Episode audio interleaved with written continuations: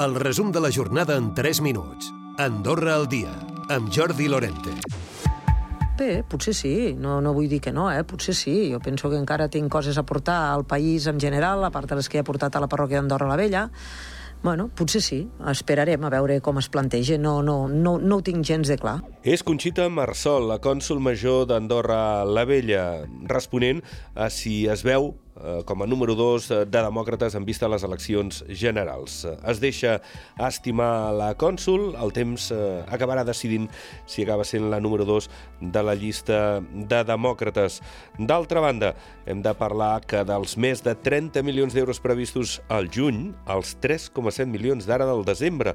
I és que finalment aquesta serà la xifra del dèficit amb el qual el govern tancarà l'any, un pronòstic millor de l'esperat a causa, ha assegurat el ministre de Finances, d'un rendiment econòmic superior al previst.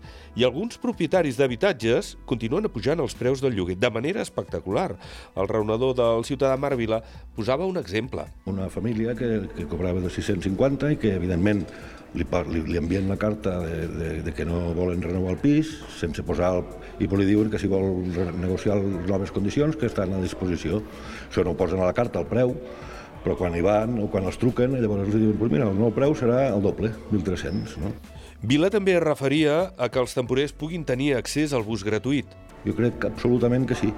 Un, perquè és de justícia social, i, i de justícia natural, per dir-ho així, que, que les persones que més ho necessiten, que estan a l'última escala de l'escala social, entre cometes, d'Andorra, que venen aquí a treballar, que estan aquí permanentment durant sis mesos i que no, normalment pocs tenen cotxe, doncs el més lògic és que són els principals eh, destinataris.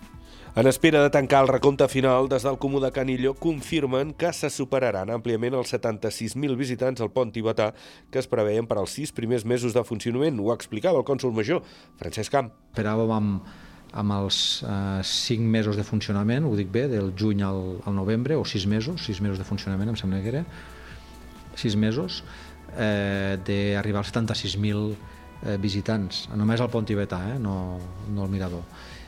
I això al final, a finals de, de novembre, i ja li puc avançar que aquesta xifra a finals de novembre la superarem. Els comuns han entrat la proposició de llei dels agents de circulació al Consell General, un text que substituirà el del 2005, que incorpora millores en els àmbits funcionals i operatius i que fa evolucionar el cos a una instància professional de nivell superior. Se'ls reconeix com agents de l'autoritat i excepcionalment també poden anar sense l'uniforme reglamentari. Podran portar dispositius mòbils també de videovigilància. Recupera el resum de la jornada cada dia a Andorra Difusió.